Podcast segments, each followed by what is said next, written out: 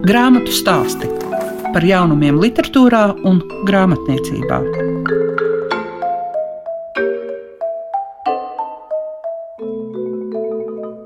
Pirmā augusta trešdienā labu dienu jums saka grāmatu stāstu veidotāja Liega Piešiņa. Un šīs dienas raidījumā jūs dzirdēsiet Oskaru Vizbuli, kurš stāstīs par savu jaunāko romānu, ja vīrietis prastu runāt. Un tas ļaus mums atcerēties arī viņa stāsta krājumu pēc Jēzus vecuma sviests. Un vēl dzirdēsit par Ādolfa Karnupa dienas grāmatām, kas tapušas no 1941. līdz 1946. gadam, un tas ļaus ielūkoties konkrētā vēstures posmā un arī labāk iepazīt muzejus.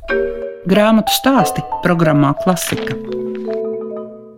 Oskars Vīsbulis ir uzrakstījis savu otro grāmatu, un tas ir romāns, ja vīrietis prastu runāt. Cik gadi tad no pirmā stāstu krājuma ir pagājis? Nu, it kā trīs gadi, bet nu, es šo grāmatu sāku rakstīt pirmo. Sāku rakstīt slimnīcā, kurā es nonācu teiksim, tā, uz robežas starp šo un to sauli.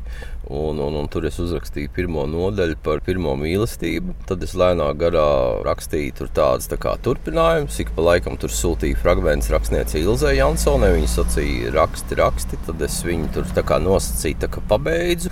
Tad es viņu noliku atvilknē, jo es neesmu no tiem, kurš kaut ko uzraksta uzreiz, kā saka, bāžu pasaulē, cik es esmu ģeniāls, tūlīt visiem ir jālasa stāvot kājās. Un pēc tam es kaut kā uzrakstīju to stāstu krājumu, un šī stāvēja atvilknē, bija tas Covid laiks, kas paskrēja kaut kā pilnīgi nenormāli. Tad uzskrēja šausmīgi daudz darbi. Tad tas laiks kaut kā tā paskrēja, un es tā izvilku no atvilknes to grāmatu un sapratu, nu, nu vajadzētu turpināt, pabeigt un izdot. Un, un tā arī sanāca. Zināmā mērā te var atrast priekšvēstnešus stāstu krājumam, tāpēc ka katrai nodaļai ir savs nosaukums. Jā, man parasti saka, ka literatūras augstākais sasniegums ir romāns, bet romāns tas nav mana forma. Mana forma laikam ir stāsts, jo man kaut kā nepatīk romānā zīmēt visas tās schēmas. Varbūt es neesmu tik talantīgs kā citi romānu rakstītāji. Man labāk patīk stāsts rakstīt, tad es tur tā ieskrienos un pabeidzu. Nosacīti varētu teikt, tas ir mans žanrs. Nu, ko es varu runāt par žanriem? Galu galā tikai divas grāmatas uzrakstītas, kas manā izpratnē nu, nav nekas īpaši daudz. Vai tā doma par nosaukumu, ja vīrietis prastu runāt, jau bija pirms visu uzrakstītā? Jā, protams, jau tāpēc, ka es šķiet astoņas gadus strādāju žurnālā klubs, un tas bija tā kā vīriešu auditorijā, un bieži nāks runāt ar sievietēm, un viņi saka, nu, mēs jau nezinām, ko jūs domājat. Jūs jau visu laiku uzslēdzat, es saku, jūs patiešām gribat dzirdēt, ko mēs domājam. Varbūt tās jums tas liksies kaut kas tāds diezgan briesmīgs un pretīgs, bet nu, tāda ir mūsu daba, un tad es tā, nu, sakompilēju visas tās mūsu domas, mūsu nu, kaut kāda tāda vīriešu abstraktā vīriešu domas. Un romānā tur izvērsti dialogi, kad sieviete, kad beigās izdzird, ko vīrietis tā vaļsirdīgi viņai stāsta. Labu gribēdams, neko neslēpdams, neizliktamies labāks nekā ir patiesībā. Un tad beigās tā sieviete ir šausmās. Nu, tad viņa saka, nu jā, nu, zini, būtībā tas, ko tu saki, liek domāt par mani pašu, kāda kapsēta ir manī pašā. Līdz ar to tas tāds paradoks. Mēs gribam dzirdēt, ko jūs runājat, ko jūs domājat, bet tā patiesība atklājas, izrādās, ka mums tas nepatīk. Varbūt neteiksim, ka nepatīk, varbūt tas ir drusciņš tā kā šoks. Nu, nevar jau abstrahēties no tā, ka cilvēks ir daļa no dabas, bioloģiski būtne ar saviem instinktiem, kas ļoti bieži prevalē pār sabiedrības morāli. Vēl jau vairāk mēs redzam to, kas šodien notiek pasaulē, ka cilvēks ir saka, neracionāla būtne. Ir eh, spējīgs nogalināt, iekarot. Es domāju, no vienas puses mēs esam ļoti daudz ko sasnieguši tehnoloģijā, bet mūsu morāle ne par matu tiesu nav attīstījusies pasaule nav attīstījusies, pasaule ir mainījusies. Kādi mēs zvēri esam palikuši, tādi mēs esam palikuši. Es neredzu iemeslu, ka tur kaut kas baigs mainītos. Vai bija grūti noplēst tās sīpolādes un uzrakstīt šīs sajūtas? Es tā īsti neticu tam stāstam par to, ka rakstot dienas grāmatu, var atbrīvoties no kaut kādām pagātnes traumām, jo viņas jau visu laiku tev kaut kāda atmiņa, kaut kāda asociācija veidā ir mūžīgi klātesošas. Tas, ka laiks uzsedz tādu tā kā pūkainu segu un tu uz to visu raugies, varbūt tās ar netik sāsinātām sajūtām. Tas ir tas, bet principā jau tas visu mūžu velkas līdzi. Pat nezinu, bērnībā piedzīvotā vilšanās. Man ir 49 gadi, es to joprojām atceros pilnīgi skaidri. Nu, nav iespējams pārformatēt cieto disku. Kā saka, ir iespējams mainīt attieksmi, bet, lai mainītu attieksmi, es nezinu, nu, tad ir jābūt kaut kādam svētējam, jāpraktizē kaut kā tur budistu praksa, klosterī vienatnē septiņus gadus, bet kurš gan to var atļauties? Nu, un, protams, mūsu uzblīdušais ego, ko šīs dienas patērētāja sabiedrība veicina un kas ir novedusi pie tā saucamās klimata krīzes. Jo nu, tas, ka mēs tādā garā, kā mēs turpinām patērēt, nu, tas nepie kā labi nevedīs. Bet no otras puses, kā to visu varētu nokomunicēt cilvēkiem, pateikt, kaut vai patērējam bišķi mazāk. Nu, nav mums vajadzīgs visas tās tehnoloģiskās features, kas ir jaunajās ierīcēs, no kurām mēs izmantojam labi desmito daļu. Nu, nav to iespējams apstādināt. Tur jābūt kaut kam ļoti, ļoti globālam. Pārmest, teiksim, kapitālistiem, kā viņi uzdrošinās šo vāveres ratu iegriezt un patērētāji pavelkas. Man nav atbildes uz to jautājumu. Bet tajā laikā ļoti daudz cilvēku pasūta internetā preci piekdienā no otra pasaules gala un pirmdienā jau sāk tirināties, kāpēc viņam nav ar lidmašīnu piegādāt. Kas tas vispār ir? Vai arī, teiksim, ieejam lielveikalos, nu, jā, nav redziet svaigi avokādo.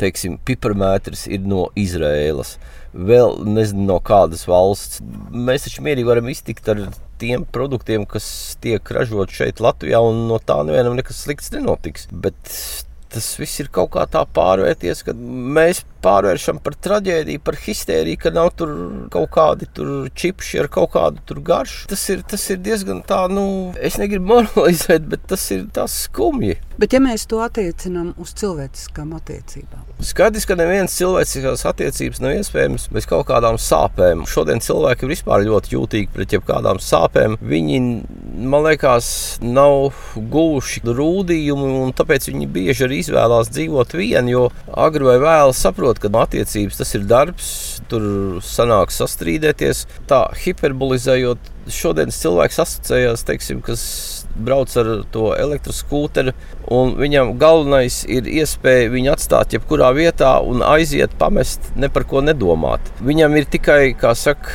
tiesības, bet nav pienākumu, un tas ir baismīgi traki.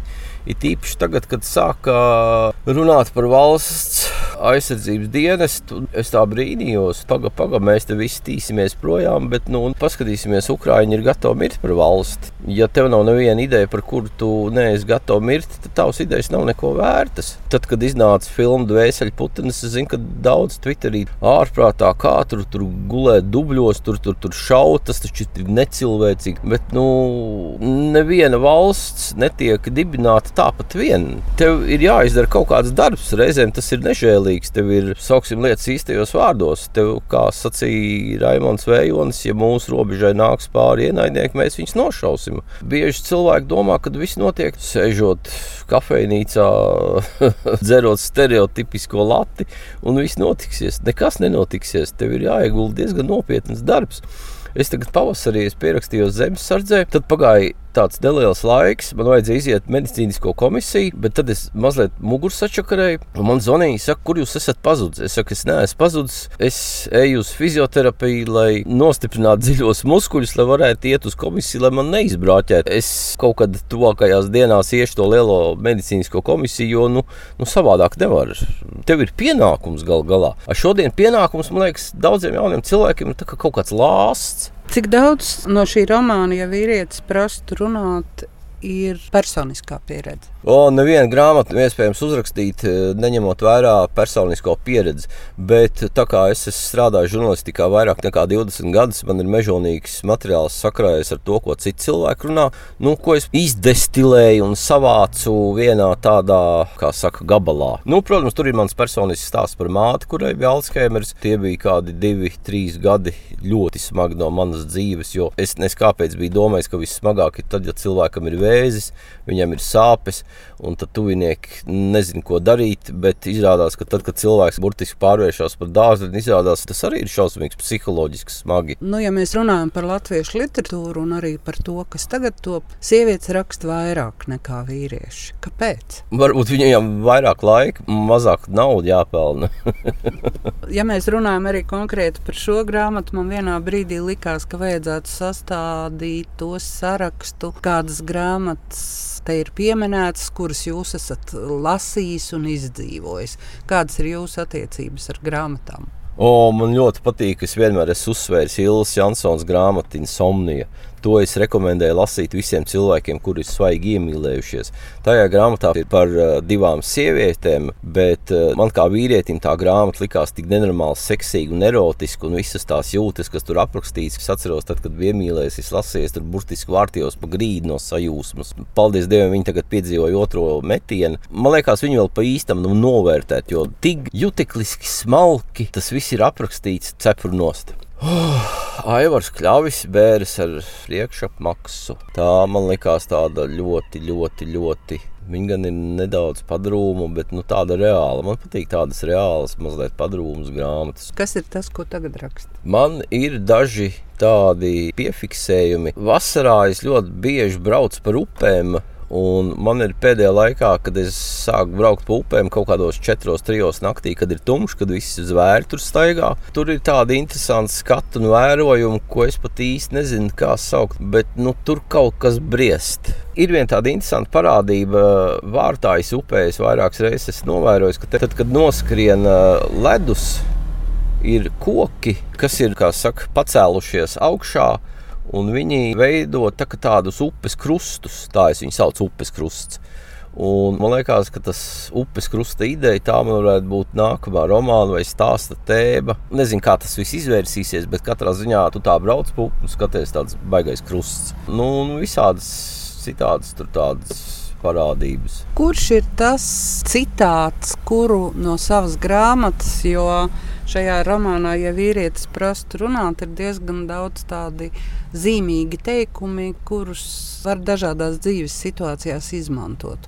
Kurš ir tas, kuru pats izmantojat visbiežāk? Manuprāt, tas varētu būt tur, kur es rakstu, citējot Francisu Bēkonu, īru gleznotāju, kurš teica, ka esam piedzimuši ar kliedzienu esam ieņemti ar kliedzienu, varbūt mīlestība ir moskīta tīkls ar bailēm no dzīves un bailēm no nāves. Un tālāk es turpinu, ka mīlestība tā tad ir kaut kur pa vidu, mīlestība tā tad ir vispārējais, mīlestība tā tad ir dzīve. Tas, manuprāt, ir tāds visjaudīgākais, jo kā gleznotājs Francisam Bekonam tās gleznas ir diezgan tādas pabaismīgas, Bet nu, man viņas ļoti patīk. Un vēl no gleznotājiem man ļoti patīk Lucians Freits, jo es atceros, pirmo stāstu krājumu es uzdāvināju vienai sievietei.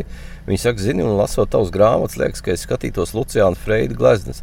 Lucians Freids ir psihoanalītiķa Freida mazdēls. Un es tā paskatījos, un es sapratu, ko viņi ar to domā, jo tur tie cilvēki ir tādi atkailināti, mazliet tā kā neglīti, bet īsti un dzīvi. Grāmatu stāsti tiem, kam grāmatu lasīšana ir vērtība. Šīs dienas grāmatas stāstos mēs pievēršamies kādai dienas grāmatai, kas gan ir apaugusi, izaugusi. Tā ir ne tikai kāda konkrēta cilvēka dzīves stāsts, tas ir arī stāsts par muzejiem, par muzeju vēsturi, pētniecību. Adolfa Karnupa biogrāfija ir ņemta arī par pamatu, lai tas būtu. Latvijas Nacionālais vēstures muzejs piedāvā saglabātu vēstures avotu. Direktoram Arnim Radiņam tad, nu, ir jāpasaka, kā tas viss sākās.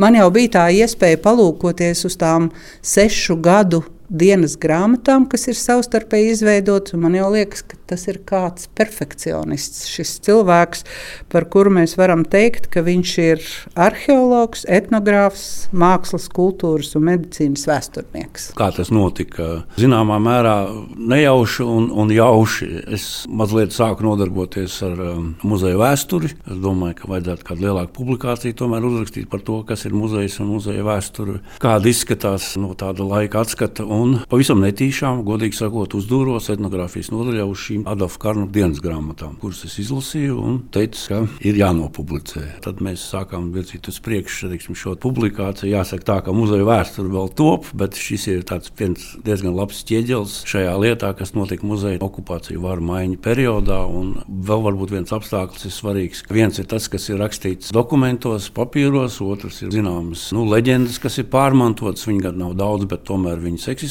muzejā. Šeit viens cilvēks katru dienu, nu, ne gluži katru dienu, bet gandrīz katru dienu ir pierakstījis, kas ir noticis, ko viņš ir darījis. Pie tam mana sajūta ir, ka viņš ir domājis par to, ka šīs dienas grāmatas tiks izmantotas, ka viņas tiks lasītas. Viņas gan ir pietiekami nu, personiskas, bet tajā pašā laikā viņš ir pietiekami korekts un teiksim, arī tāds, lai nepateikt vairāk, kā grib pateikt, bet tomēr var pateikt. Tur var lasīt arī starp lapusēm, ja tu zini, kāda tā drēbe, starp rindiņām, kāda tā drēbe ir. Tā kā tas ir ārkārtīgi unikāls dokuments par šo laiku, un mēs esam ļoti priecīgi, ka šī publikācija ir tapusi. Nu, ja mēs pievēršamies vairāk muzejiem, tad eh, kas ir tas, kas lika palūkoties savādāk arī uz to laiku? Jo šī gadījumā jau ir tas, ka tiek slēpti materiāli no tā brīža varas. Gribētu precizēt, ne gluži tiek slēpti materiāli no tā laika varas. Tas eh, notika mazliet vēlāk.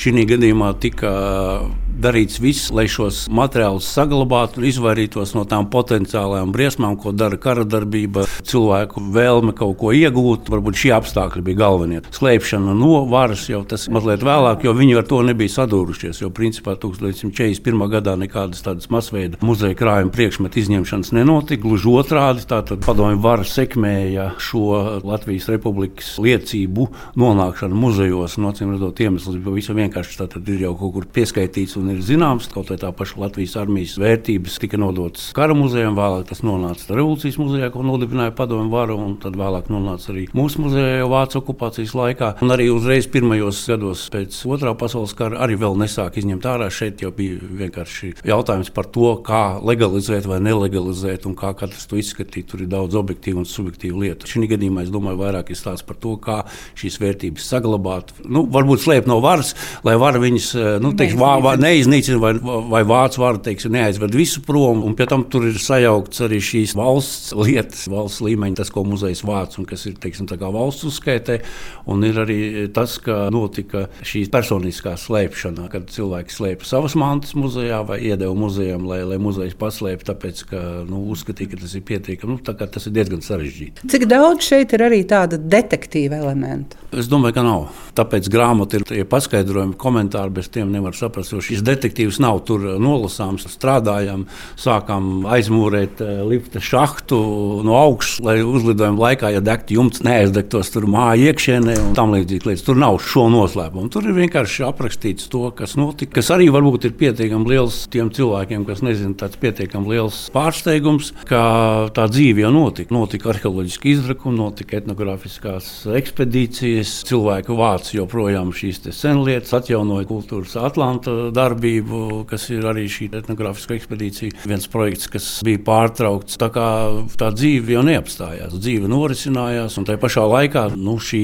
cilvēka attieksme, šī cilvēka attieksme pret eh, to, ko viņš dara, kam viņš seko. Šī gadījumā šeit Adolfs Karnaps kā personība, ka viņš klausās radio, lasa avīzes, par visu cenšas būt lietas kursā un vēl kaut kādas šajā savās piezīmēs, kaut kādu komentāru vai izgriezis kādu izgriezumu, un, un līdz ar to teiksim, mēs varam saprast, kāpēc viņš ir izgriezis griezts. Vai tas, ka vāciešiem patīk ugunskrusts, vai es tur tagad novadīju Krievu ģenerālim kādu ekskursiju, un mēs tur savādāk. Tā kā tur ir viss šī attieksme, un varbūt arī šī spēja pielāgoties. Ir šī tevis sajūta, kas ir muzejs, ko tu dari, savu pašvērtību, ja, un tad kā nezaudējot šo visu, teiksim, tomēr mēģināt izdzīvot šajās varu maiņās, un kā nu kurš bija, jo katrā ziņā izskatās, ka Adolfs Karnovs bija, ja nebūtu šis nelaimīgais gadījums ar šo tiesas procesu, tad nu, viņš varētu būt bijis bijis spilgts zvaigznes šeit pie mūsu zinātnes debesīm, jo viņš mēģināja iekļauties šajā sistēmā, kas eksistēja. Vai bija tāds vilinājums paplašināt šo laiku, jo grāmatā ir datēts no 41. līdz 46.